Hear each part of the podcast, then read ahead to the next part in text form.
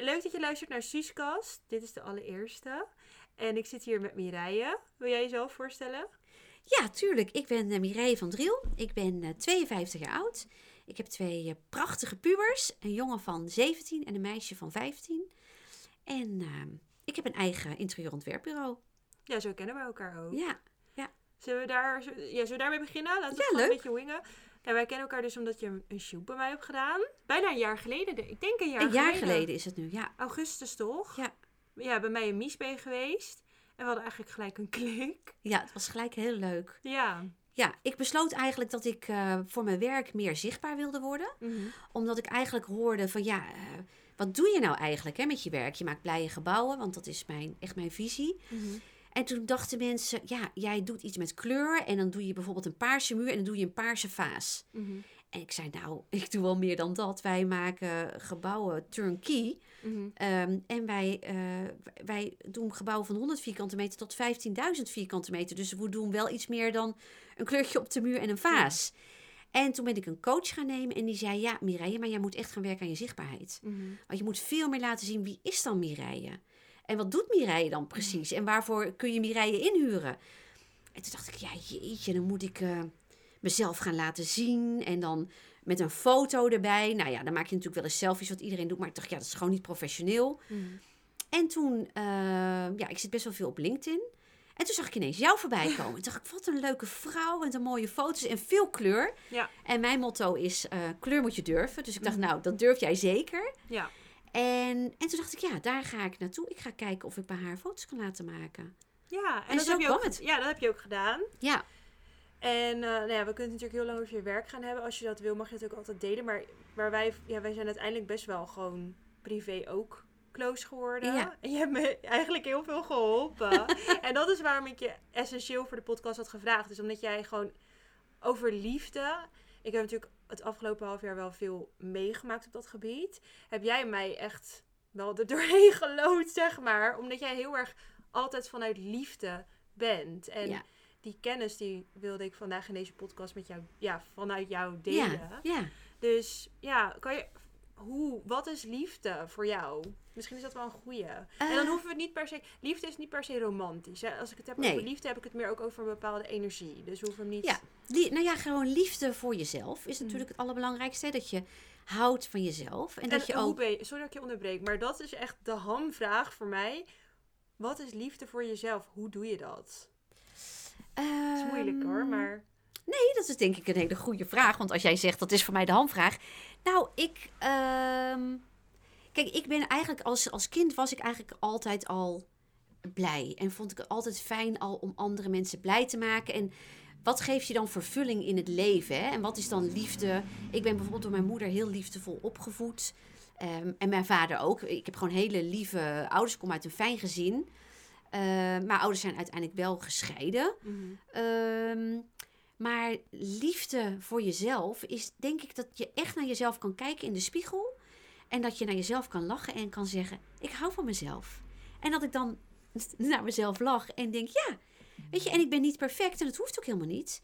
Maar dat je gewoon blij kan zijn met jezelf en blij kan zijn met de dingen die je hebt in het leven. Mhm. En eh, weet je, ehm, mensen streven vaak dingen na, dat ze allerlei dingen willen of dingen zien. Ze willen rijk zijn, ze willen een goede baan, ze willen een gezin.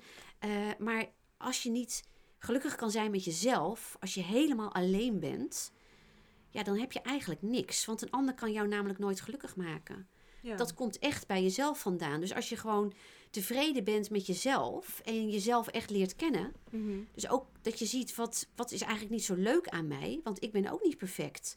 Weet je, dat je, ehm, dat je dat accepteert van jezelf. Dat je gewoon echt kan zijn met wie je bent. Ook dat je denkt, nou, dat is misschien niet altijd even handig van mij. Vroeger was ik bijvoorbeeld, ehm, ja, wat ik, wat ik bijvoorbeeld had toen ik jonger was, ik wilde nooit mensen teleurstellen. Dus ik sprak altijd met iedereen af. En dan hoopte ik, want had ik bijvoorbeeld met twee vriendinnen afgesproken, dat de ene ging afzeggen omdat ik eigenlijk tegen de andere vriendin niet durfde te zeggen: Ja, ik kan eigenlijk niet. Want ik wilde ze eigenlijk heel graag zien. Maar ik durfde dat niet te zeggen. Dus uiteindelijk ging dat natuurlijk altijd mis. En moest ik natuurlijk altijd een van de twee teleurstellen.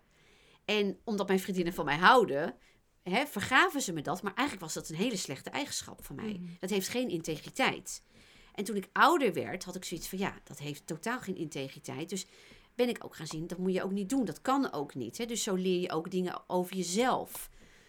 En wat ik ook wel vind, is dat je eigenlijk, dat iedereen, eigenlijk vind ik dat al op, op de middelbare school, of als je net van de lagere school zou moeten, dat je iets leert over psychologie.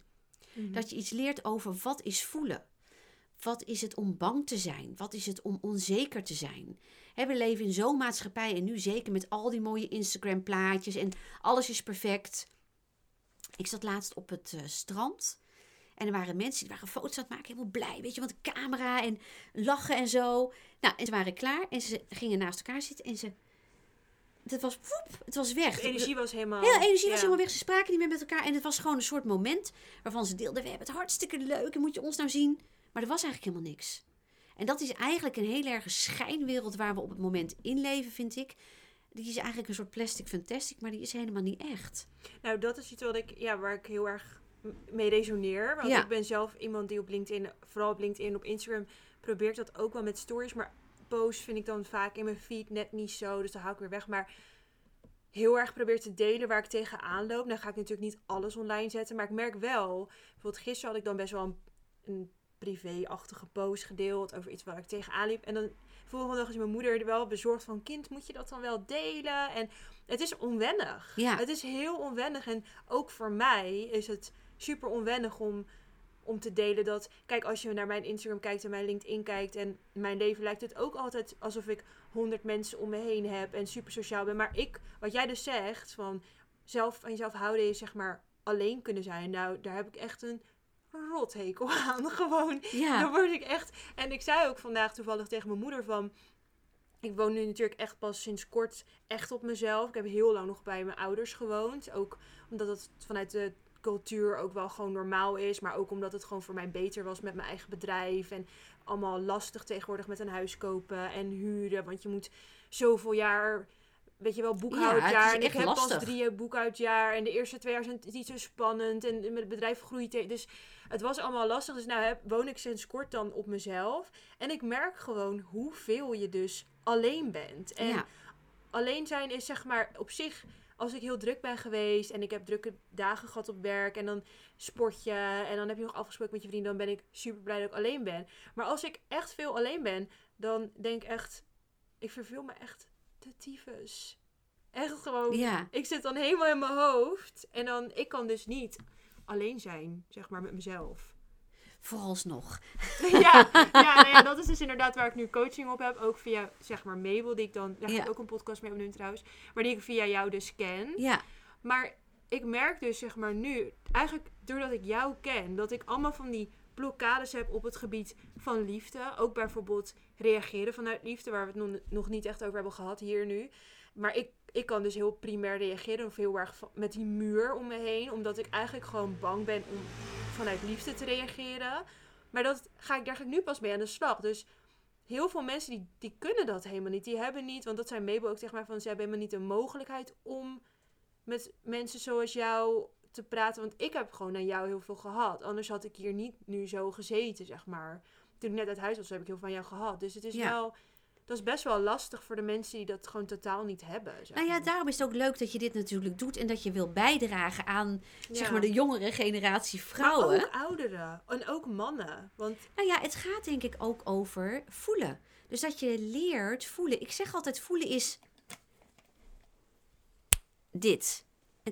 Fractie van een seconde dat je iets voelt. En wat heel veel mensen doen, is dat ze daarna gelijk naar het hoofd gaan. ja. En het analyseren. Maar als je wat langer in je gevoel kan blijven en voelt: hé, hey, dit doet pijn in mijn buik.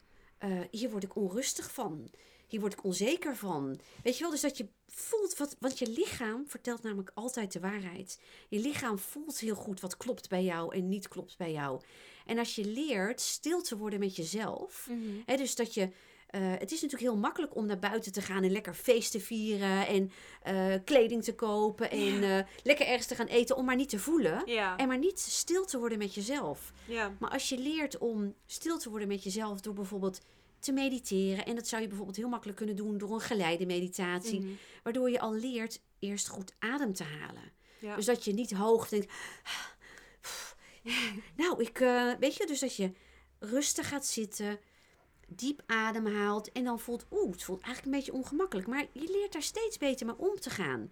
En dat je gewoon, nou, lekker gaat wandelen buiten. Vroeger, toen ik jonger was, dacht ik, wandelen? Mhm. Eh, ik heb helemaal geen tijd om te wandelen. En eh, ik kom wel uit, uit een dorp en dat vond ik sowieso heel fijn. Want ik had natuurlijk altijd wel natuur om me heen en ik hou heel erg van buiten.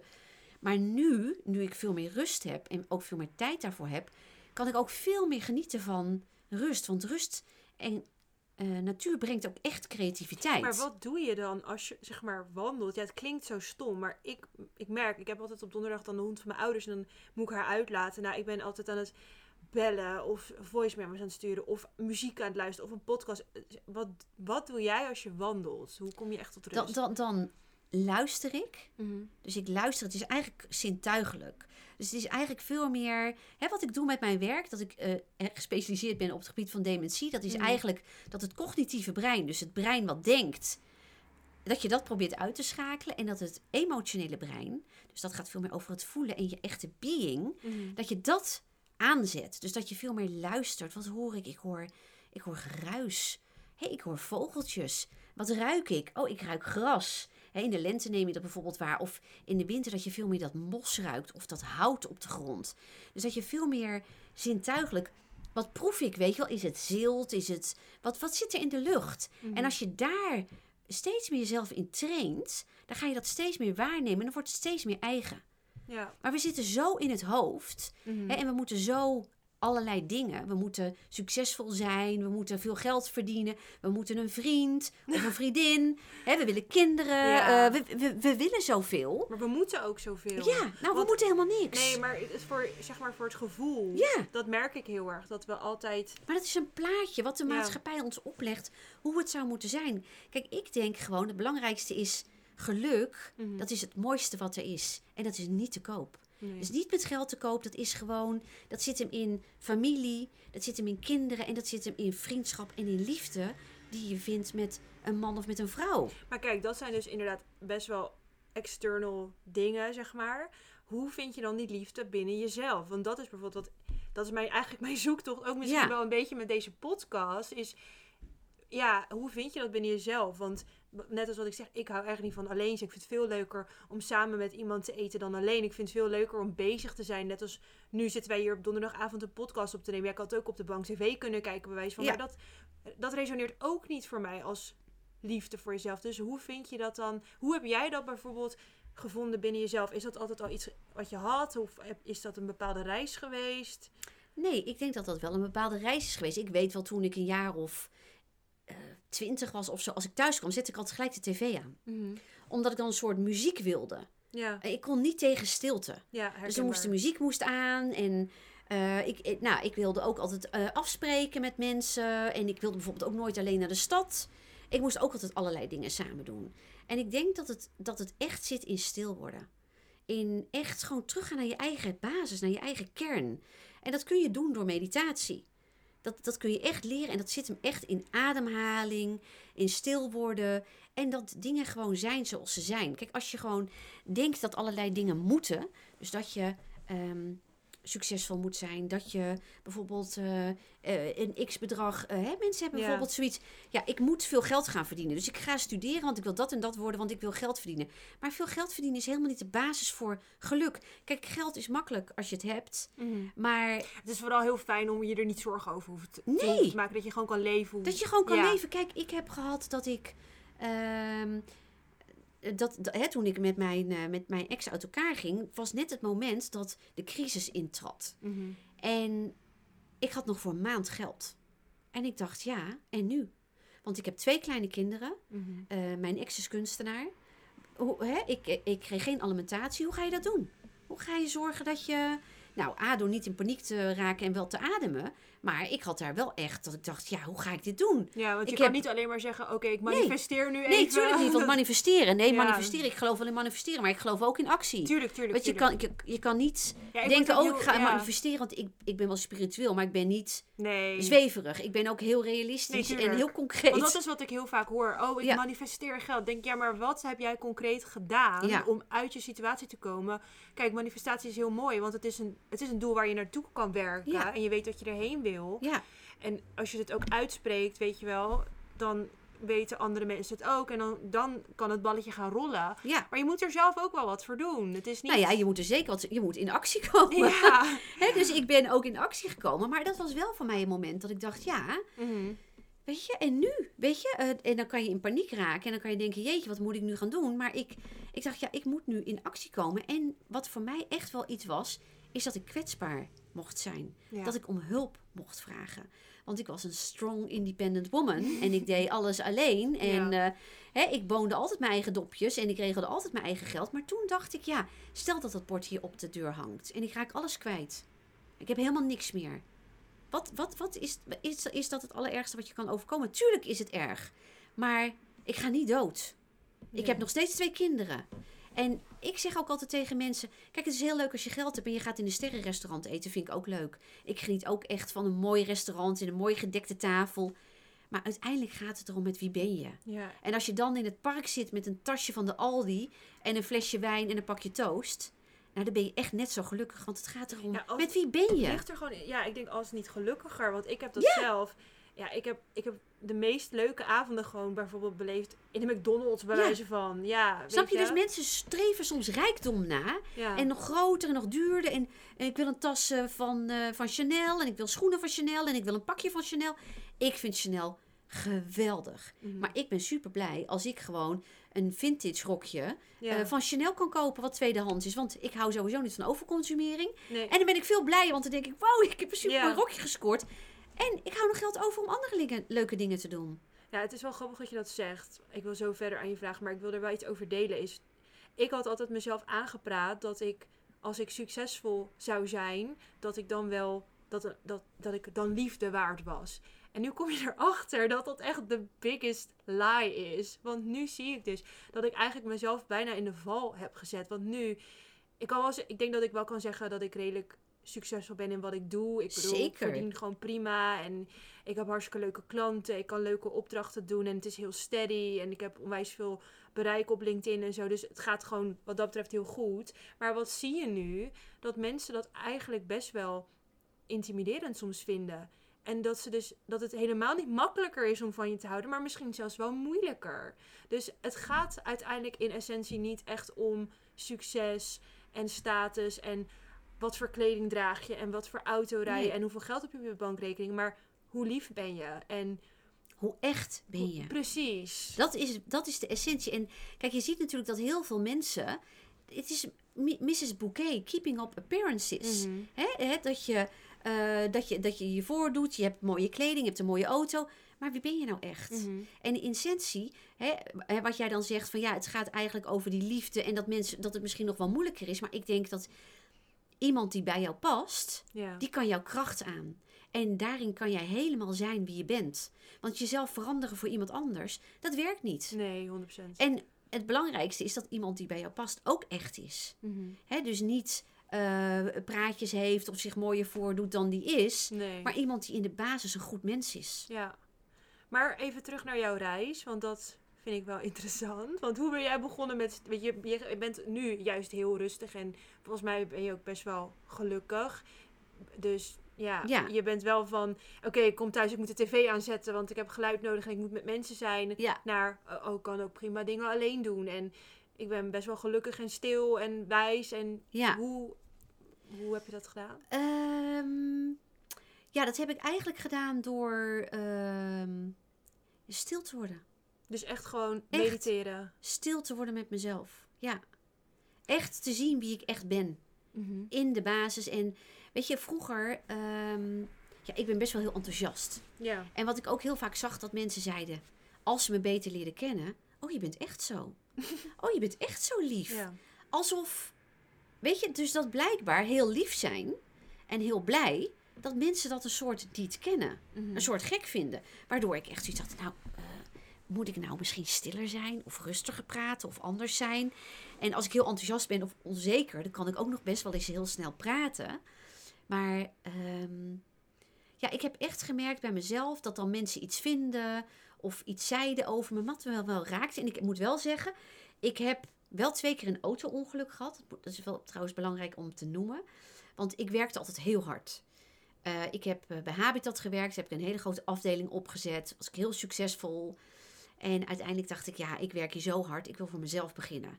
Want dan werk ik voor mezelf. Kan ik ook zelf bepalen wat ik doe. Gaat de baas niet tegen mij zeggen, je moet dit doen. En het geld wat ik verdien is van mij. Ja. En ik verdien dan niet voor iemand anders geld.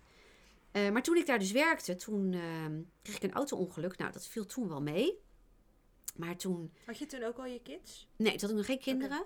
En toen heb ik daarna, kreeg ik nog een keer een auto-ongeluk. En er was maar iemand die maar 16 kilometer achterop me, re- me reed. Maar toen moest ik echt revalideren. Dus moest ik echt met Jeetje. 5 kilo, of nee, wat was het? Een, een eh, halve kilo, minder dan een pak suiker. Moest ik oefenen. Om weer mijn armen te bewegen, mijn nek te bewegen. Ik heb heel lang met een kraag gelopen. En dat was wel echt een moment waarbij ik stil kwam te staan met mezelf. En toen weet ik nog dat de arboarts tegen mij zei... Het lijkt wel alsof er een grote hand uit de hemel is gekomen... die jou even heen en weer heeft geschud en nu is het klaar. En nu stop je, want wat ik deed, ik nam gewoon ibuprofen... en ik dacht, hup, schouders eronder, gewoon werken. Ja. Niet zeuren, want ik ben gewoon Mhm. doorzetten, niet klagen en gewoon werken. Maar als jouw lichaam zegt, het kan niet, dan moet je ook leren... dat als jouw lichaam zegt, ho, dat je, dat je stopt... En dat was wel voor mij een moment, ben ik nou gelukkig in het leven wat ik leid? Mhm. Ik was toen met eh, mijn eerste vriend, waar ik eh, vanaf mijn negentiende mee samenwoonde. En hij was super lief.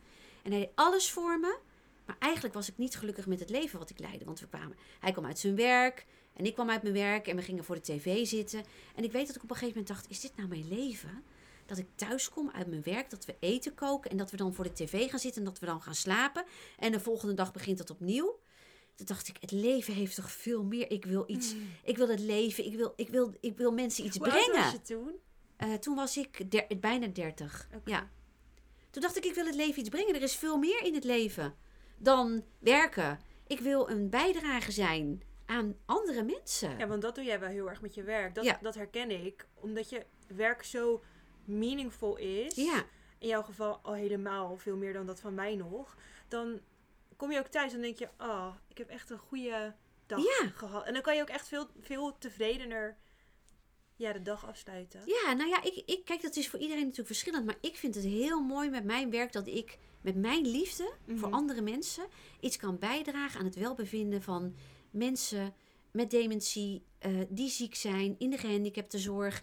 Dat ik gewoon met mijn kennis en met mijn liefde iets aan de wereld kan brengen. En dat is, ja, dat is heel bevredigend, dat is heel mooi. Maar dat, ja, ik, ik stroom over van liefde. Ik, ik heb Ja. heel veel liefde te geven. Maar ben jij nooit... Want ik merk zeg maar dat ik ook wel een heel liefdevol persoon ben. Maar ik ben zo bang om gekwetst te worden. Heb je dat niet? Omdat jij zoveel geeft. Ja. Want ik heb zelf ook dat ik echt een gever ben. Maar aan het einde van de dag, zeg maar, vind ik het wel... Ik vind ja, wel echt... Als ik jou bijvoorbeeld met iets app, dan voel ik me eigenlijk ook best wel bezwaard. En ik merk ook dat ik minder ontvang dan dat ik geef. Heb je niet dat je ooit denkt van... Mijn vaatje is nu gewoon op en ik kan nu echt niet meer? Of, Nee, tuurlijk, dat heb ik ook heus wel eens. Dat ik denk, maar ehm, ja, het is meer dat ik denk, ik zie het ook een beetje als sisterhood. Mhm. Ik vind het ook mijn taak als meer ervaren vrouw, zeg maar. Dat klinkt dan zo belegen, maar nee, nee, maar dat, als ik iets zo. aan jou kan bijdragen, waardoor jij dan toch lekkerder kan slapen, dat ik net nog even een appje kan sturen, Mhm. dat ik jou net nog even kan geruststellen. Als we nou allemaal een beetje meer liefde zouden geven aan anderen, dan zou de wereld er toch een stuk mooier uitzien. Ja, maar ik merk dus wel dat er dus echt wel... Er zijn gewoon heel veel mensen die dat niet kunnen. Ik heb dus heel lang een vriendschap gehad met een vriendin van mij. En ik heb echt zo vaak pep talks en dingen gegeven en weet ik het wat niet. Maar het, ik werd best wel vaak op gewezen dat ik dus te veel was. Kijk, ik heb nu een groepje vrienden om me heen dat, die ik dag en nacht kan bellen. En als, als ik hun drie keer per dag bel, dan is het nog steeds leuk. Ja, Maar dat was dus niet altijd. Er zijn echt veel mensen die die. Kijk, het is, er komt ook een bepaalde intensiteit bij kijken. Bij, bij liefde. Waar sommige mensen gewoon echt nog niet klaar voor zijn. Nee, dat heb ik heel erg. En ik merk dat ik het dus heel moeilijk vind. Omdat ik zo graag al die liefde, zeg maar, wil geven. Natuurlijk ook niet aan iedereen. Maar de mensen die ik gewoon. e- Als ik je echt mag, dan. Je hoeft niet eens, we hoeven elkaar niet eens lang of goed te kennen. Maar als ik, als ik je gewoon mag en je zit in mijn cirkel, dan ja. sta ik. Als je Maar dat, dat is heel mooi. En, en ik denk juist dat daar zit denk ik ook een beetje de. Ik heb ooit van Paul de Blot, hij was eh, hoogleer of hij was professor eh, aan de Nijrode Universiteit. Mhm. En hij gaf business spiritualiteit. Ja. En hij heeft een aantal boeken geschreven. Ehm, nou, daarin omschrijft hij ook heel mooi dat eigenlijk dat je als mens ehm, eh, eigenlijk een, een soul purpose hebt. Nou, hij noemt dan een voorbeeld van een man die, is, eh, die wil eigenlijk heel graag leraar worden. Maar zijn ouders hebben zoiets, ja, je moet eigenlijk eh, zorgen waar je geld mee kan verdienen. En dat is niet een goede baan. En hij wordt uiteindelijk accountant. Ik weet niet precies of ik het nu goed omschrijf, maar dat was volgens mij de essentie. Nou, hij is er eigenlijk helemaal niet gelukkig mee. En jaren later gaat hij dus vanuit dat vak toch lesgeven. En hij zegt ook, sommige mensen weten eigenlijk gelijk al, wat is hun soul purpose? En Mhm. vanuit hun hart leven ze. En andere mensen leven vanuit het hoofd en komen daarna bij het hart. Ja. En, en hij zegt, er zijn twee dingen in het leven belangrijk. Is dat je altijd kind blijft. Want kinderen blijven altijd vanuit verwondering naar de wereld kijken. En dat je vrienden hebt. Want vrienden helpen je door het leven. En wat ik... Toen zei ik ook tegen hem. Ik zeg, ja, maar wat wij eigenlijk leren op school... is dat hou nu maar op met kind zijn. Want nu Ja. gaan we leren. Ja. Nu moet je je best doen. Nu moet je presteren. Mhm. En Ja. waarom leren wij niet onze kinderen om langer en, en iedereen überhaupt kind te blijven? Dus dat je veel meer aangesloten blijft op je gevoel. En dat is denk ik uiteindelijk, vind ik persoonlijk, wat eraan ontbreekt, is dat we uit dat gevoel gaan en in het hoofd gaan, omdat we allerlei dingen moeten. Maar hoe mooi zou het zijn als we op school, lagere school, leren mediteren. Leren aan te sluiten, leren voelen. Ja. Ik heb bijvoorbeeld een ehm, boeddhistische meester. En dan moet je zeg maar wat, moest je- wat is dat? Nou, hij, hij, we hadden van hem les en daar hebben we zeg maar les eh, gekregen dat je veel meer voelt in energie. Nou, en we, en we hadden dan een oefening dat je dan elkaar aankijkt en dan doe je je handen tegen elkaar aan. En dan kijk je de ander echt in de ogen, iemand die je niet kent. En dan zeg je, ik hou van mezelf door de ander heen.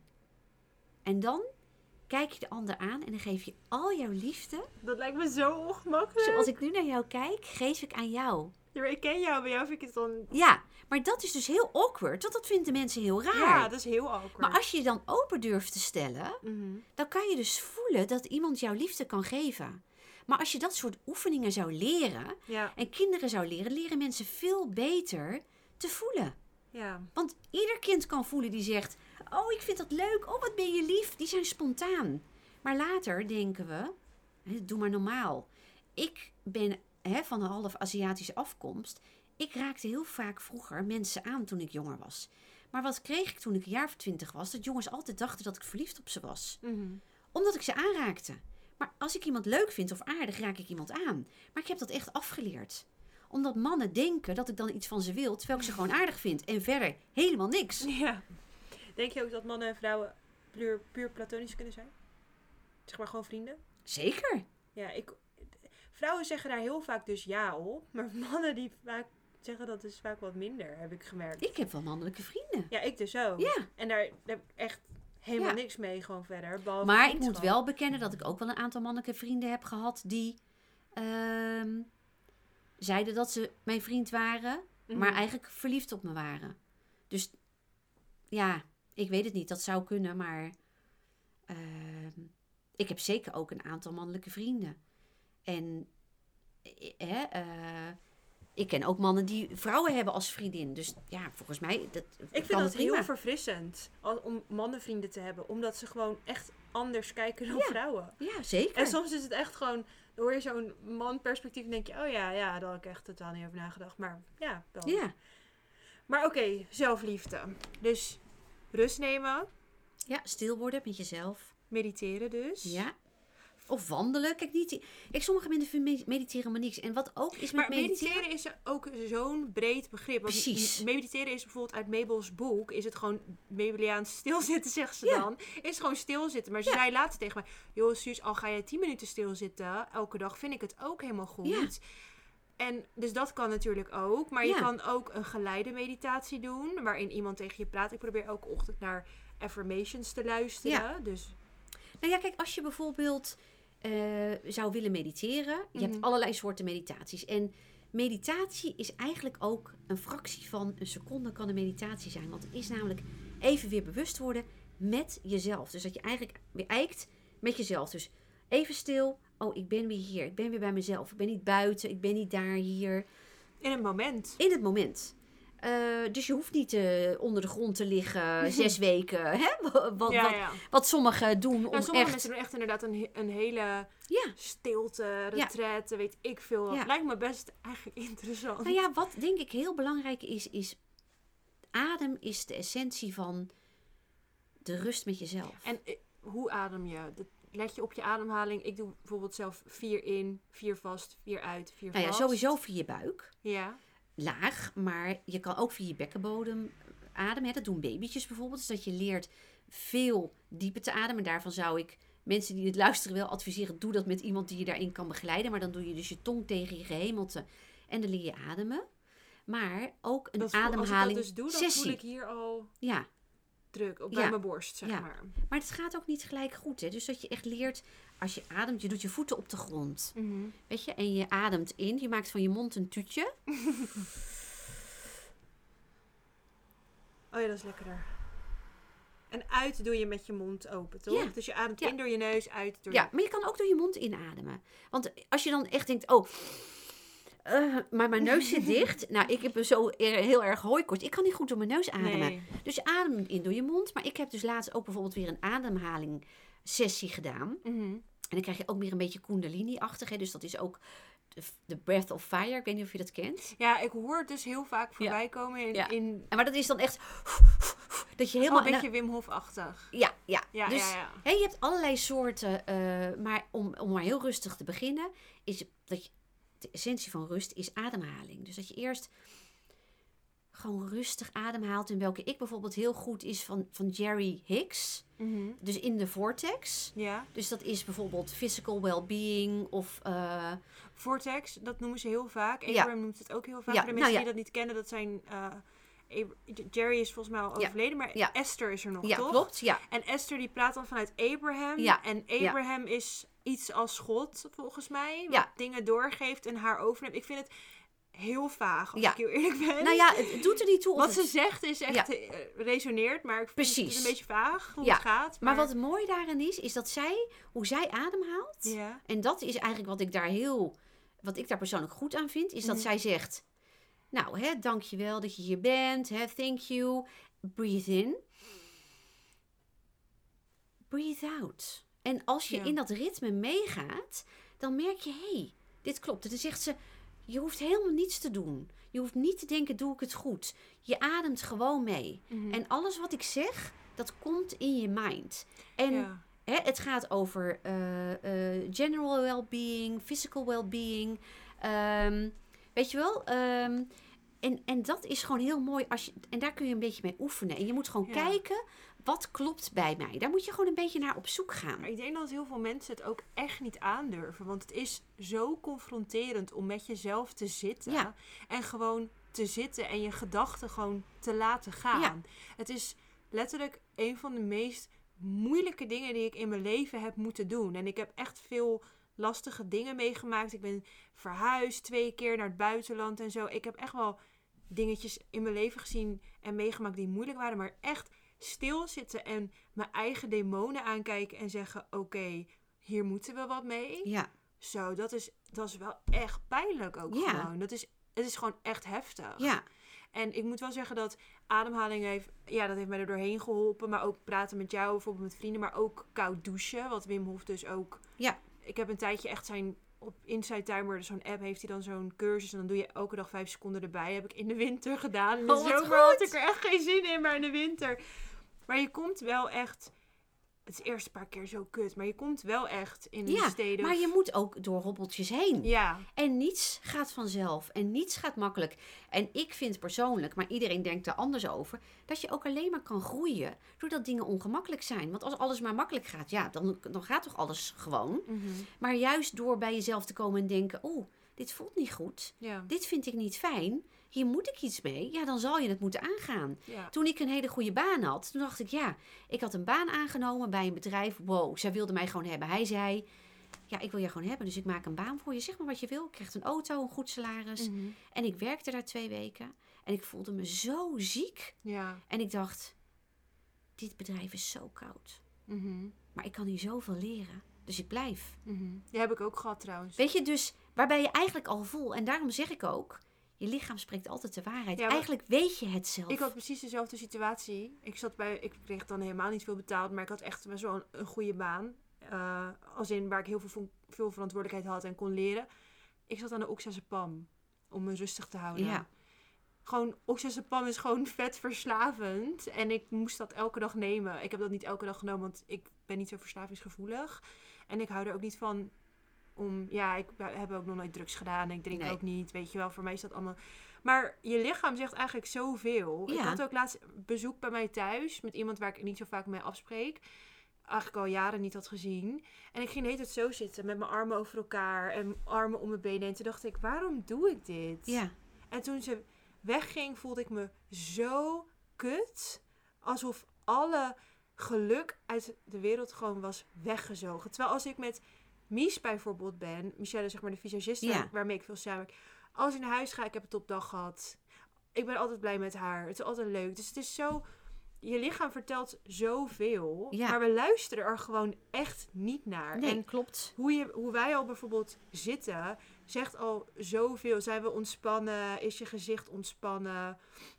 Maar het is wel moeilijk om daarbij stil te staan. Ja. Want je wordt, het wordt gewoon niet aangeleerd. Nee, het wordt niet aangeleerd. En dat is dus ook wat ik, waarom ik steeds zeg dat stil worden. Mhm. Doordat je stil wordt en je bij jezelf komt en echt voelt, "Maar voelt dit goed? Wat voel ik nou? Mhm. Wat gebeurt er nou met me? Waarom ben ik nu boos? Waarom ben ik nu verdrietig? Ja. Ja, weet je, daar leer je jezelf van kennen. Dat je gewoon ziet, oh, maar ik doe eigenlijk dingen. Mhm. Maar ik vind die mensen helemaal niet leuk waar ik bij ben. ja. Ik zit eigenlijk bij dat groepje vrienden omdat ze heel hip zijn en succesvol.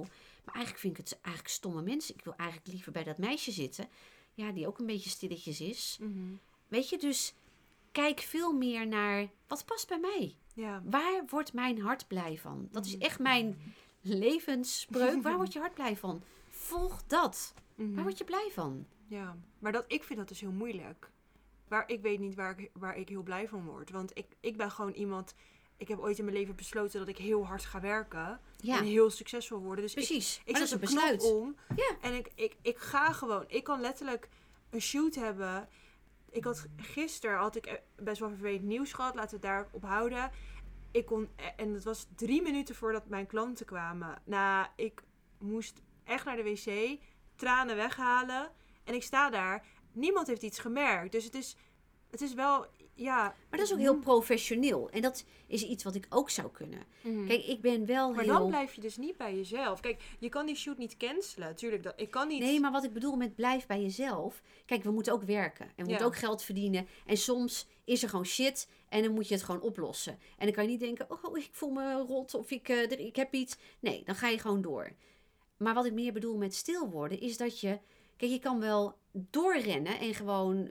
Er zijn mensen die rennen jarenlang door. ja. Totdat ze een burn-out krijgen. Waarom krijgen ze een burn-out? Mhm. Omdat ze de hele tijd dingen doen die ze eigenlijk niet willen en die niet bij hun passen. ja. En dan zegt hun lichaam schakelt uit, want die zegt stop, dit klopt niet bij mij. Maar kijk, jij, jij bent wel vooruitstrevend voor jouw generatie, zeg maar, als ik dat zo vrij mag zeggen. Want als ik kijk naar andere mensen uit jouw generatie, die, die, die denken daar helemaal niet zo over na. Die denken alleen maar, ik moet mijn, ma- mijn maandlasten betalen. Ik moet eh, tot mijn pensioen aan werken. En ik, ja, ik zie dat wel bij veel mensen dat ik denk van, ja, maar ga je nou echt nog zeven jaar, zeven jaar lang iets doen wat jou ongelukkig maakt tot je pensioen? Het is Ja, maar gewoon dat is zo natuurlijk ook moeilijk. wij, wij- ik kom natuurlijk ook uit een generatie eh, dat je ehm, gewoon moest werken voor je geld. Ja. En, eh, en, en kinderen moet opvoeden. En ik heb het geluk dat in mijn generatie, Mhm. dat je daar al meer kon kiezen voor wat je leuk vond. Ja. Maar ik ken ook heel veel mensen om me heen die doen werk wat ze niet leuk vinden. En die hebben zoiets, ja, maar dan moet ik iets anders gaan doen. En ik heb een aantal vriendinnen die zoiets hebben, nou, ja, zal ik het doen? Ik heb ook mensen wel geïnspireerd van, ga gewoon doen waar je hart blij van wordt. Ga gewoon kijken of begin voor jezelf. Maar sommige mensen weten het dus ook echt niet. Net als het, kijk, ik weet dat ik mijn werk heel erg leuk vind. Ik vind fotografie heel leuk. En, Ja. en op dat gebied, ik weet precies wat ik leuk vind. Maar privé, ja, ik weet wel dat ik het leuk vind om met mijn vrienden af te spreken. Dat vind ik gewoon het allerleukst. Gewoon echt sociale dingen vind ik gewoon heel leuk. Ik hoef niet naar een festival, maar daar haal ik mijn energie uit. Maar dan moet je nu dus die shift gaan maken van... Wat vind ik met mezelf in mijn eentje leuk? Dat vind ik al heel moeilijk. Maar je ziet, ik zie ook veel mensen om me heen... waar ik dan vraag van... Vind je je werk echt leuk? Ja, ik vind het wel leuk. Maar ik, en ik kan nog veel leren. En ik krijg goed salaris. En ik ben aan het groeien. En dan denk je, maar vind je het echt leuk? Nou ja, en voor dat soms is weten mensen... ze gewoon niet. Ja, maar voor soms is mensen het ook genoeg. Dus die hebben Ja. zoiets, nou, ik ben gewoon tevreden met wat ik doe. Ik hoef dat niet, die verdieping. Ik Nee. hoef niet iets bij te dat zou dragen ook aan oké de wereld. moeten zijn dan. Sorry? Dat zou ook op zich best oké moeten zijn. Ja, tuurlijk is dat oké. Je hoeft niet... Kijk, ik heb, een, ik heb gelukkig een gave. Mhm. Ik, ik, ik heb een heel mooi vak waar ik echt iets mee kan betekenen. ja. Maar ik had ook advocatenkantoren kunnen doen en andere. En dan had ik een, een heel ander eh, bureau opgericht. En dan had ik misschien veel meer geld kunnen verdienen. Maar dat wil ik helemaal niet. Nee. Ik wil gewoon... Dus geld is voor jou geen drijfveer. Nee, geld is absoluut voor mij geen drijfveer. En hoe ben jij uit die situatie gekomen dat je echt nog maar één maand salaris had en met je Toen kind? ben ik eh, bestuurders gaan bellen die je kende. en toen moest ik me over mijn trots heen zetten. Uh-huh. Zo van, eh, ik ga niet om hulp vragen. En ik zei, ja, ik, hè, ik heb een aantal... eh, er was toen een crisis. En ik zei, ja, ik heb een aantal opdrachten die zijn in de koelkast gezet. En ik heb echt nu werk nodig. Kun je me helpen? Nou, en ik had een aantal bestuurders die zeiden, nee, tuurlijk. Ik heb nog wel wat voor je. En ik kan die ook nog wel bellen. En zeg maar, dat, je geeft mijn naam maar. En toen ging het weer... Toen had ik een paar opdrachtjes. En dat heeft me er gewoon weer En bovenop was dat ook al gelijk met wat je nu doet? Of, of in een richting van? Of was dat... Ja, dat was al in dit werk van, van, van, van mijn bureau Livin. Ja. Oké. Ja. Wat, Ja. wat dapper. Ik vind dat heel dapper. Om mensen ja, maar je moet ook wel, want mijn kinderen waren toen eh, drie en. eh, wat waren ze? Drie en vijf. Ja, snap ik wel. Ja. Dus je kan dan gaan zitten. Maar je kan ook gewoon. Ja, ik ben wel iemand. Ik denk altijd in mogelijkheden. En dat was net zoals met de corona nu. Hè, dat ook alle verpleeghuizen, want dat is 80% van mijn werk, is gezondheidszorg. Mhm. Gingen alle deuren op slot. Ja. En dan? Ja, dan kan je denken, en nu shit, ik heb geen geld. Mhm. Maar toen dacht ik, nou, die beleefpanelen, ik ga dat. Ik ga een pop-up boerderij maken. En al die mensen die nu opgesloten zitten, die niet naar de lammetjes kunnen kijken en de schaapjes en, en het gras kunnen ruiken en de geluiden horen. Die, die boerderij breng ik gewoon naar het verpleeghuis. En hoe En- is dat opgepakt? Ja, heel goed. Ja. Dus zij hebben een artikel gehad in de Linda. Ja, dat zag ik. Ja, en in de krant. En eh, nog een artikel wat erover geschreven is. En toen heeft dat een soort spin-off gekregen. Want toen ben ik een website gaan maken. En heb ik gedacht, ik ga dat als product in de markt zetten. Mhm. Maar ik had dat product al bij klanten gewoon. Maar dat gebruik ik eigenlijk alleen maar voor klanten waar ik voor werkte. Ja. En nu is dat eigenlijk een Apart. soort bedrijf naast mijn bedrijf. Ja. Wat eigenlijk heel goed aan het lopen is nu. Ja, En hoe ontvangen de ja, mensen met demen- dementie dat? ja heel goed. Ja. Ja, geweldig. Ik heb nu aan, aan de hand daarvan gewoon steeds meer een verdieping. hè. Ik heb ook heel veel observatie gedaan. Dus dat ik gewoon een dag ga zitten en kijken hoe reageren mensen, wat doen ze. Ik heb natuurlijk heel veel onderzoeken gelezen. En ik doe dit werk natuurlijk nu ook al twaalf jaar in- hè, Mhm. op het gebied van dementie. Ehm, ja, dat je gewoon ziet dat het werkt. En dat mensen lachen of in één keer gesprekken hebben. Ja, nou, daar word ik echt gewoon intens gelukkig en dankbaar van. Ja, dat ik denk, wow, met mijn creativiteit kan ik zoiets maken. Ja. Ja, Ja, Tony Robbins heeft het ook wel heel erg vaak over service. ja, Ook een pijler van geluk. Dat is iets wat ik vaak mis in de maatschappij. Dat ik denk van ja, Ja. iedereen is altijd maar bezig met zichzelf. Terwijl wat doe je voor een ander? ja, Ik denk dat de dingen die ik het leukst vond vaak... Nou, ik moet zeggen, ik heb één keer dan met corona gratis profielfoto's weggegeven. Dat, daar waren, er kwamen alleen maar mensen op af die helemaal niet dankbaar voor... Ja, die waren helemaal niet dankbaar. Maar ehm, ja, de dingen die ik eigenlijk het leukst vond... waren ook wel vaak gewoon dingen die ik gewoon deed voor iemand... om iemand te helpen. ja. En dat, de- je ziet dat eigenlijk heel weinig nog. Ja, ik moet me wel eerlijk zeggen dat ik me wel in een kring begeef met mensen die dat wel doen. Maar dat Mhm. komt denk ik ook omdat ik in de zorg werk. Ja, Dus dan zie je heel veel vrijwilligers en dan zie ik soms mensen dat ik echt denk, "Ah, wat mooi. ja. Weet je wel, dat mensen dat doen vanuit liefde. En, ehm, dus ik, ik zie dat wel. Ik leer mijn kinderen bijvoorbeeld ook echt vanaf dat ze klein zijn. Wat is het om onbaatzuchtig te zijn? Mhm. Wat is het om iemand op straat aan te kijken, even een knikje te geven? Of te zeggen, dag meneer. Weet je, die meneer is alleen. Misschien is dat wel de enige die jou die dag eh, gedag zegt. Ja. Hè, ik was vanmorgen even bij de huisarts om mijn oren uit te spuiten. En Esmeralda was met mij mee. En die moest op mij wachten. En er was een man die kwam uit de apotheek met een heel zakje met eh, allerlei medicatie. En ze raakte aan de praat. En ja, die man, die, die, die sprak eigenlijk ook heel de dag of soms een week met niemand. En Ah. hij had haar een kopje koffie aangeboden. En nou, ik kwam uiteindelijk daar, eh, daar, daar aan. En toen kreeg ik ook een kopje koffie. En toen hadden we even met z'n drieën gewoon een heel leuk gesprek. En hij was zo blij. En dan denk ik, hoe mooi is dat? Dat je gewoon even een praatje maakt met iemand. Even iets draagt voor iemand. Of even iets doet. Het kost niks. En je kan een ander daar zo blij mee maken. Dat zouden we gewoon meer moeten doen. Dat, daar heb ik echt een voorstander van. Ja, maar jij bent ook echt zo'n onbaatzuchtig persoon. Jij bent echt zo iemand die inderdaad heel erg lief is voor andere mensen. Maar ook niet... Ik heb jou ook nog nooit echt zien reageren vanuit emotie. Of vanuit een vervelende emotie. Vanuit verdriet of pijn. Je bent altijd wel gewoon heel... Ja, heel lief.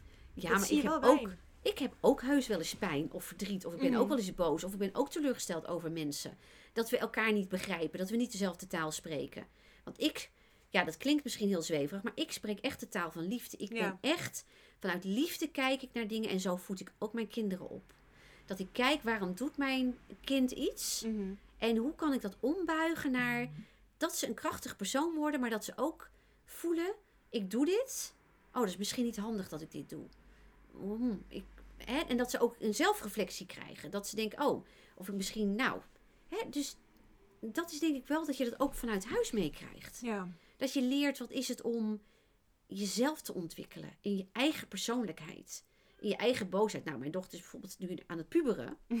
Nou, dat is best een ingewikkelde leeftijd. En vooral Ja. meisjes puberen, nou, dat is... eh, ja, weet je, maar wel dan ook te laten zien wat ze doet. Nou, waarom doe je dat? En als je nou zo naar kijkt, wat zou dat dan brengen? Weet je wel? Dus Ja. heel erg gewoon laten ze voelen, laten doorvoelen. Wat is het effect van hoe ze met dingen omgaan? Mhm.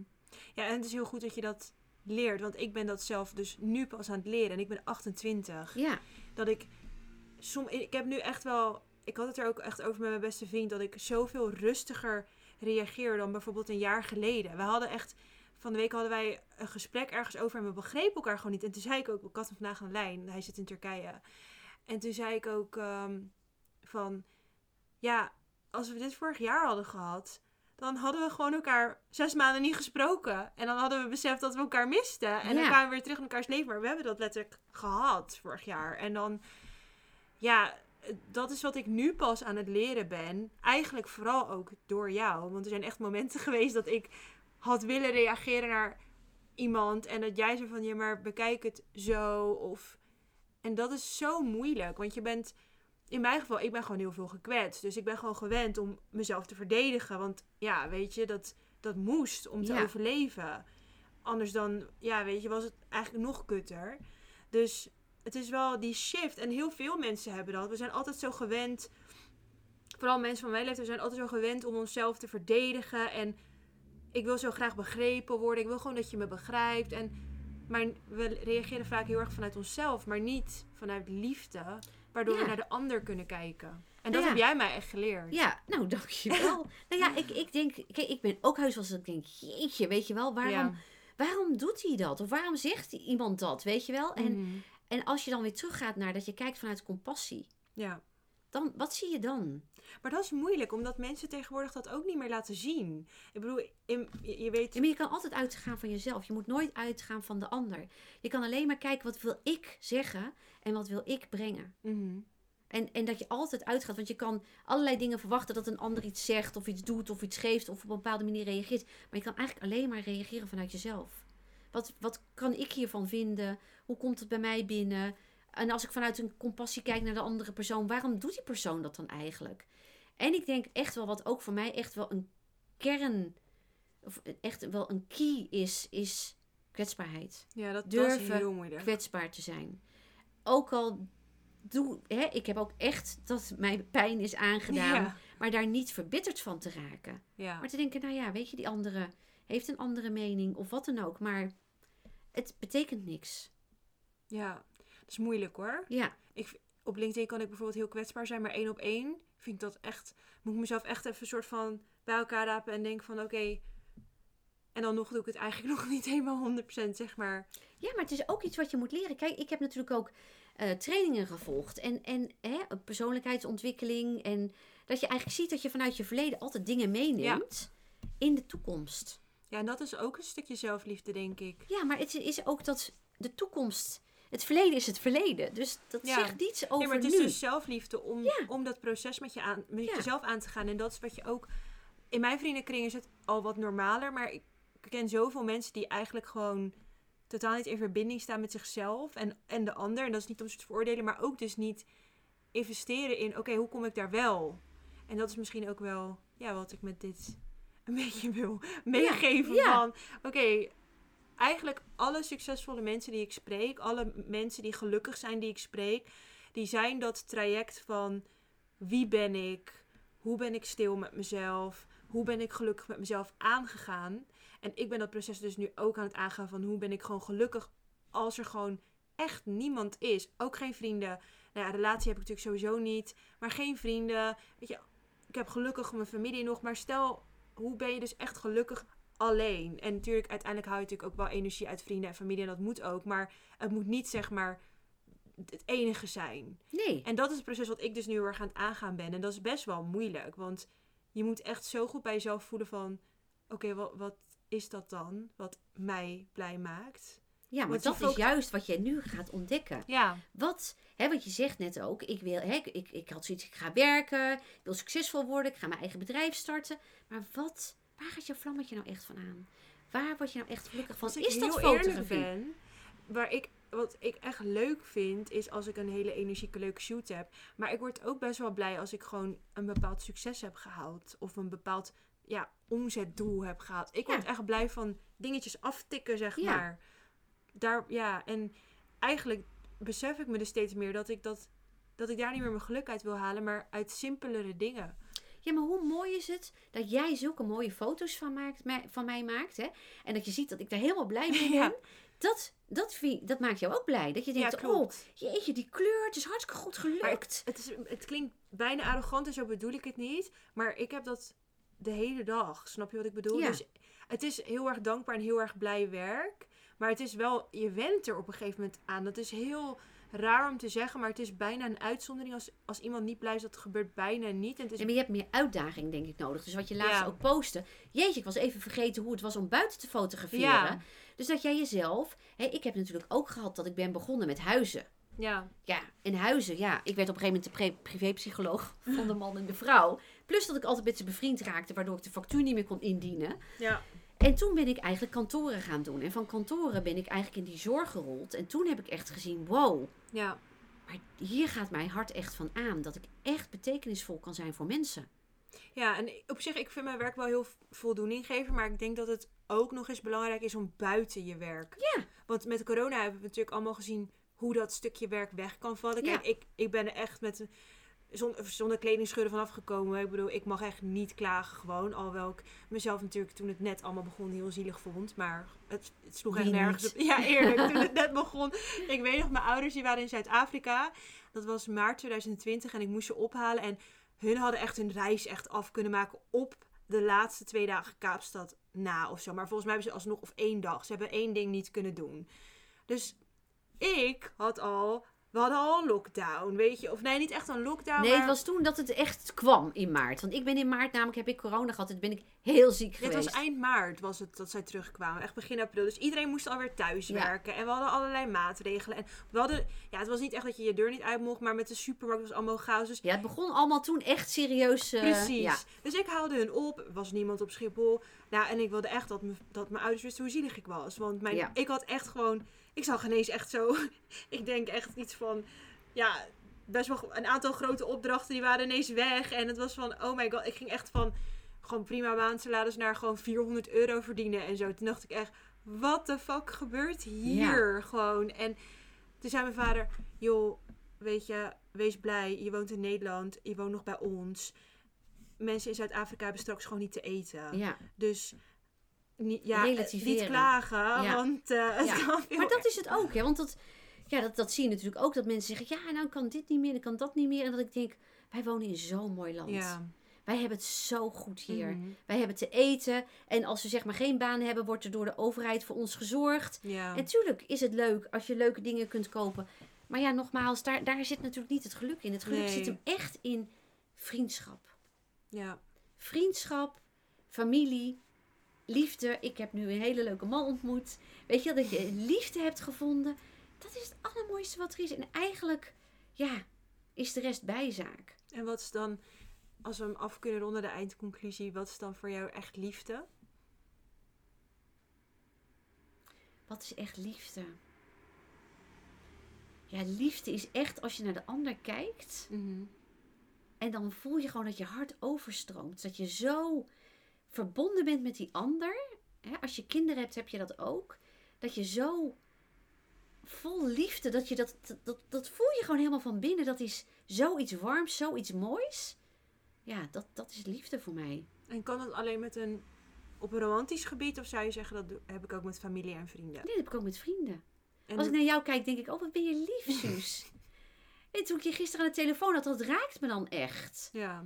Dat ik dan echt denk, wow, weet je, ik moet even nog wat tegen je zeggen, want je bent zo bijzonder en lief. En dan denk ik, ja, weet je, het komt goed. Ja, wat jij, al, wat jij al zei, of nou ja, wat ik al tegen jou zei eigenlijk, is jij hebt me er echt, echt, echt doorheen gesleept. Ik heb echt momenten gehad dat ik echt dacht, wat moet ik doen? Wat gebeurt hier? En ja, dat heb, jij hebt me wel echt, Nou, dankjewel. ja. Maar dat is gewoon door te zijn. Ik doe niks speciaals. Het is gewoon liefde wat je de ander Maar geeft. ook echt, wat ik van jou echt heb, ge- heb gezien, eigenlijk als ik mijn vrienden om advies vroeg in bepaalde situaties, eigenlijk op het gebied van, laat het gewoon een beetje bij het naam noemen, op liefde met mannen, dan deden sommige mannen iets en dan was het, joh, die moet je echt skippen en niet doen en je bent veel meer waard dan dat. Terwijl jij soms gewoon zei van, ja, maar hij, hij reageert zo door dit. En dat ik daardoor echt kon denken van, oké, kan ik dat begrijpen? Ja, maar ik kan me niet, wat je net ook tegen me zei, niet voorstellen. Maar ik wil wel openstaan voor deze manier van kijken naar die persoon. Waardoor ik echt wel zoveel stappen heb gezet op het gebied van liefde. Want ja, als, als er vroeger ook maar iets gebeurde wat mij niet beviel, zo... Je, je zag mij niet meer, je sprak mij niet Nee, meer. Ik was gewoon weg. Nee, en dan maak je het fout. Hè? Net zoals dat je op een gegeven moment met eh, eh, iemand in je vriendenkring iets had. Dat ik echt zoiets had van, ja, maar weet je, Ja. het is zo zonde. Ja. Als je kijkt vanuit compassie, wat zie nou, je dat dan? was dus met mijn beste vriend. Ja, precies. En toen zei hij ook van ja, dat komt goed. En ik had Ja. het daar nog met hem laatst over, want dat was volgens mij vorig jaar. Ja, rond vorig jaar. En toen, wij waren allebei zo. Ja, hij wist wel dat het goed zou komen en ik wist het ergens ook wel. Maar wij waren zo gekwetst door elkaar. Ja, Maar dat was het. Wij waren niet boos op elkaar, maar gewoon echt. maar jullie konden elkaar even niet horen. Nee, wij waren zo gekwetst en we voelden ons zo onbegrepen. En toevallig hadden we dus laatst, deze week, hadden we weer zoiets. En we hebben gewoon echt... Ik zei ook op een gegeven moment tegen hem... Jij begrijpt... eh, of, niet, ja, ik, was- ik weet niet meer precies wat ik zei. Want op een gegeven moment was ik ook gewoon echt klaar mee. En dacht nee, ik wil, ik wil gewoon geen ruzie met jou. En ik heb gewoon geen zin hierin. En ik snap gewoon... Ik zei ook, als we er gewoon van uitgaan dat we weten dat we het gewoon goed bedoelen. Ja, dat dat liefde was- is. Ja, en ik weet ook gewoon oprecht dat hij iemand is die zo het beste met mij voor heeft. En zo mij wil zien groeien. Dat het soms bijna oncomfortabel is. Omdat iemand zo uit liefde zo eerlijk tegen je is. Dat je bijna denkt van... Oh my god. Ik, ik wist dit niet over mezelf. En ik voel me zo oncomfortabel, zeg maar. Omdat Ja. ik dat niet... Ik wil niet dat jij die kant van mij ziet. Ik wil niet dat jij dat lelijke stukje ziet. En nu... Ja, we hadden vandaag dus echt een telefoongesprek. En toen zei ik ook... Vorig jaar hadden we gewoon echt gezegd... Ik spreek jou gewoon een half jaar niet meer. Nee, En dan kwamen we zo met hangende pootjes zo terug van... En ja, hoe sorry, mooi is Michel." dat? Ja. dat je dat nu wel, weet je. En ik heb dat ook met vriendinnen, dat ik wel eens iets zeg, nou, vind ik niet echt leuk. Ja. Weet je wel? En dat, en dat je er ook veel makkelijker over kan praten. Maar ik zat laatst naast mijn vriendin op het strand en ik keek naar haar en toen zei ik... Weet je, ik hou zoveel van jou. Oh. Ik kijk naar je en ik moet dat gewoon even tegen je zeggen. Dat is liefde. Ja. Maar het is moeilijk. Ik vind het wel soms moeilijk. Omdat ik heb echt vrienden om me heen gehad. Maar ik denk dat ik dat misschien ook wel aantrek. Omdat ik niet zo kritisch ben in vriendschappen. En heel lief ben. En als ik, als ik je gewoon maar zo aardig vind. Zeg maar heel klein beetje aardig. Dan, en ik zie. Ja, dat is wat, wat jij misschien ook hebt. En dat is wat ik zelf ook heel erg er- ervaar in mijn werk. Wat in mijn werk 100% top is. Maar privé is het niet zo fijn is ik zie iemand, ik voel iets en ik zie al, ik kan zeg maar al tien dingen bedenken aan diegene waar wat ik helemaal geweldig vind en waarvan ik denk, oh jij zou zo dit of dat of zus of zo kunnen doen om je leven helemaal. Ik zie echt in iedereen een soort van halve celebrity, zeg maar. Dat is echt wat ik zie. Iedereen is in mijn, iedereen die ik eigenlijk bijna iedereen die ik ontmoet. Er zijn een paar mensen waarvan ik echt voel dat ze bepaalde dingen nog moeten overkomen. Maar over het algemeen, iedereen die ik zie is voor mij gewoon een superster. En Ja. dan denk ik, Oh, wat mooi. als jij dit zou doen, dat is ook wat Ja. je ziet in mijn foto's. Ja, precies. En dan in mijn, daarom is waarom ik goed ben in mijn werk. Als ik dat, ja, ik durf het gewoon over mezelf te zeggen. Ik Ja. zie in iedereen echt een soort superster die ze zelf dan niet zien. Maar privé, omdat je in iedereen zo het mooie ziet. Soms zijn mensen nog niet daar. En Nee. zijn, ze zijn allemaal in essentie de superster. Want Ja. het zit er gewoon. Maar ze zijn nog niet daar. En dan kan ik zo teleurgesteld raken dat ik echt denk van... Als je gewoon zag wat ik zag, dan, en je wist wat ik van je dacht... Dan had je, hadden we nooit deze problemen gehad. Nee, maar mensen zijn dan nog niet op dat pad. Nee. Dus die zijn er nog niet. En ik denk ook dat je op een latere leeftijd ook meer ontdekt welke vrienden goed bij je passen. Want niet iedereen past bij je. nee. En sommige mensen passen ook niet van, bij mij, want die vinden mij veel te druk. ja. Die, die, die vinden dat ik veel te veel praat. Die, die vinden mijn energie veel te, te, te, te blij. En die, die, zeggen, doe maar rustig. Maar er zijn ook echt mensen die zeggen, oh heerlijk. Mireille, ik word zo blij van jou. ja, dat heb ik ook bij jou. Ik vind het zo fijn. Jij hebt zo'n fijne energie. Ja, nou, dat, dat zijn mensen die dan in mijn circle zitten. Maar er zijn ook echt wel mensen die denken, pff, Ja, en dat, en dat is helemaal oké. Ik kan me dat niet echt voorstellen, want jij kan ook wel gewoon rustig zijn. Ik kan zeker heel rustig zijn. Ja, Maar ja, ik denk gewoon, wat ik gewoon heel erg zie en merk om me heen, is dat mensen het vaak echt nog moeilijk vinden om zichzelf kwetsbaar op te stellen. En ik Ja. herken dat. ik herken Want dat ook. ik vind het ook echt lastig om tegen iemand te zeggen van... Oké, ja, ik zat fout. Als ik, dat, als ik ooit tegen iemand die nu luistert sorry heb gezegd... Dan... Het, het is niet dat ik het niet wil toegeven, want ik weet het. Maar ik vind dat wel eng. Want ik heb dan het gevoel alsof ik soort van... Dat ik dan een soort van minder word of zo. Snap je wat ik bedoel? Dat ik zeg maar dat maar iemand dat dan... is weer kwetsbaar. Ja, dus, dat dus iemand dat je gewoon kan zeggen, ja, ik heb een fout gemaakt. Ik, ik heb het verkeerd gezien. Ik heb het verkeerd ingeschat. Ja. Hoe mooi is het als je dat durft toe te geven? Nou, ik durf dat dus nu met mijn vriend. Ik had ook laatst met een vriend afgesproken en hij kwam te laat. En, en nou ja, en ik had er iets van gezegd. Want ik vind het laat komen eigenlijk best wel irritant. Kijk, vijf minuutjes boeit mij niet. Maar gewoon echt een half uur en dan wordt het nog later. En nog la- dat vind ik gewoon super irritant. Want Ja, in die drie kwartier of ha- half uur, drie kwartier had ik gewoon letterlijk iets kunnen doen. Zoals bijvoorbeeld een meditatie of een mail kunnen beantwoorden. Dus we hadden daar woorden over. En hij zei, kom je nou nog of niet? En ik dacht, oh my god. En ja, ik dacht, nou, ik ga gewoon en ik zie het wel. En ik stap in die auto. Joh, sorry babe, weet je, ik snap jou wel. En, dan, en dat hij dat zei, toen dacht ik, ik vind het zo tof dat we gewoon zo tegen elkaar kunnen Precies. fitten. En daarna Ja. is het gewoon klaar. ja. En dat is mooi. En dan is het ook klaar. Ja, dan is het ook echt Ja. klaar. En dat is dan kwetsbaarheid. Ja. Maar dat, ja, dat heeft echt Dat is ook ja, Oefenen. jaren geduurd. oefenen, groeien, stapjes. Ik maak ook heus nog fouten hoor. Ik kan ook heus nog dingen verbeteren aan mezelf of anders doen. Maar weet je, we leren ons hele leven totdat we doodgaan. Zou je iets willen noemen wat je zou willen verbeteren of zeg je... Hoeft niet, hoor. Ehm, wat ik aan me zou willen verbeteren. Nou, dat ik. ehm, nou, misschien toch nog wel. Ik wil toch nog vaak goed doen. Ik wil toch nog vaak eh, eh, dat iedereen het fijn heeft. Terwijl het soms niet werkt. En ook niet jouw verantwoordelijkheid is. Nee.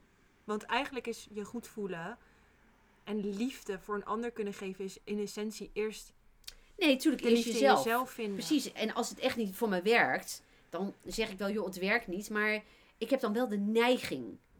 Weet je wel? Of de neiging om toch nog te denken, nou, ik doe nog wel een vrijwillig projectje. Ja. Omdat ik dan denk, hè, ze hebben geen geld en dan kan ik die mensen helpen. Terwijl het soms dan, dat ik denk, "Mm, is het handig? Mhm. En waarvan ik nu echt leer, nee, doe maar niet. Ja. Doe maar niet, want dat, dat, dat werkt voor geen van beiden. Mhm. Ja. Mooi, ja. Ja, Ik denk dat we... Ja, we hebben bijna een uur... eh, nou, we hebben een uur gekletst. Ik denk dat ik heel veel van je heb geleerd. dankjewel. Nou, dat had ik natuurlijk sowieso al. Maar ja, voor de, ik weet niet hoeveel mensen dit gaan luisteren. Maar ik denk dat die daar ook heel veel Ja, van zullen leren. En ja, je bent gewoon een super mooi mens. nou, dankjewel. En jij ook. En, en leuk dat ik je eerste ja, eh, hè, je, je aftrapper ben. En, Ja, eh, je bent ja. ook de aftrapper geweest voor mij voor het proces. Want door jou ken ik ook Mabel en ben ik bij Mariette geweest. Ja. En heb ik zoveel dingen al geleerd. En dat is wel goed om ook te beseffen met de eerste podcast. Hoeveel ja, stappen nou er eigenlijk al zijn vooraf gegaan. Maar dat is echt dankzij jou. Nou, dankjewel. Omdat jij altijd zo vanuit liefde bent. En dat is best wel moeilijk. Ik denk dat het echt voor heel veel mensen heel moeilijk is. En ook voor mij. Dus ja, je bent daar wel echt een koploper in. Ja. Nou, dankjewel. En, nou ja, en dat de liefde maar mag stromen dan. Ja, echt hè? Ja. Nou, dat was hem dan. Ik ga hem gewoon uitzetten. Want ik weet niet hoe ik hem wilde afsluiten, maar ik stop er gewoon mee. Nou ja, Dus, dankjewel Ja, voor, de- voor, voor, voor, voor, voor, voor deze leuke podcast. Ja, en ja. wellicht wel nog een keer. Ik weet niet, misschien Ja. vinden we nog wel iets. Super bedankt voor het luisteren en ehm, tot de volgende.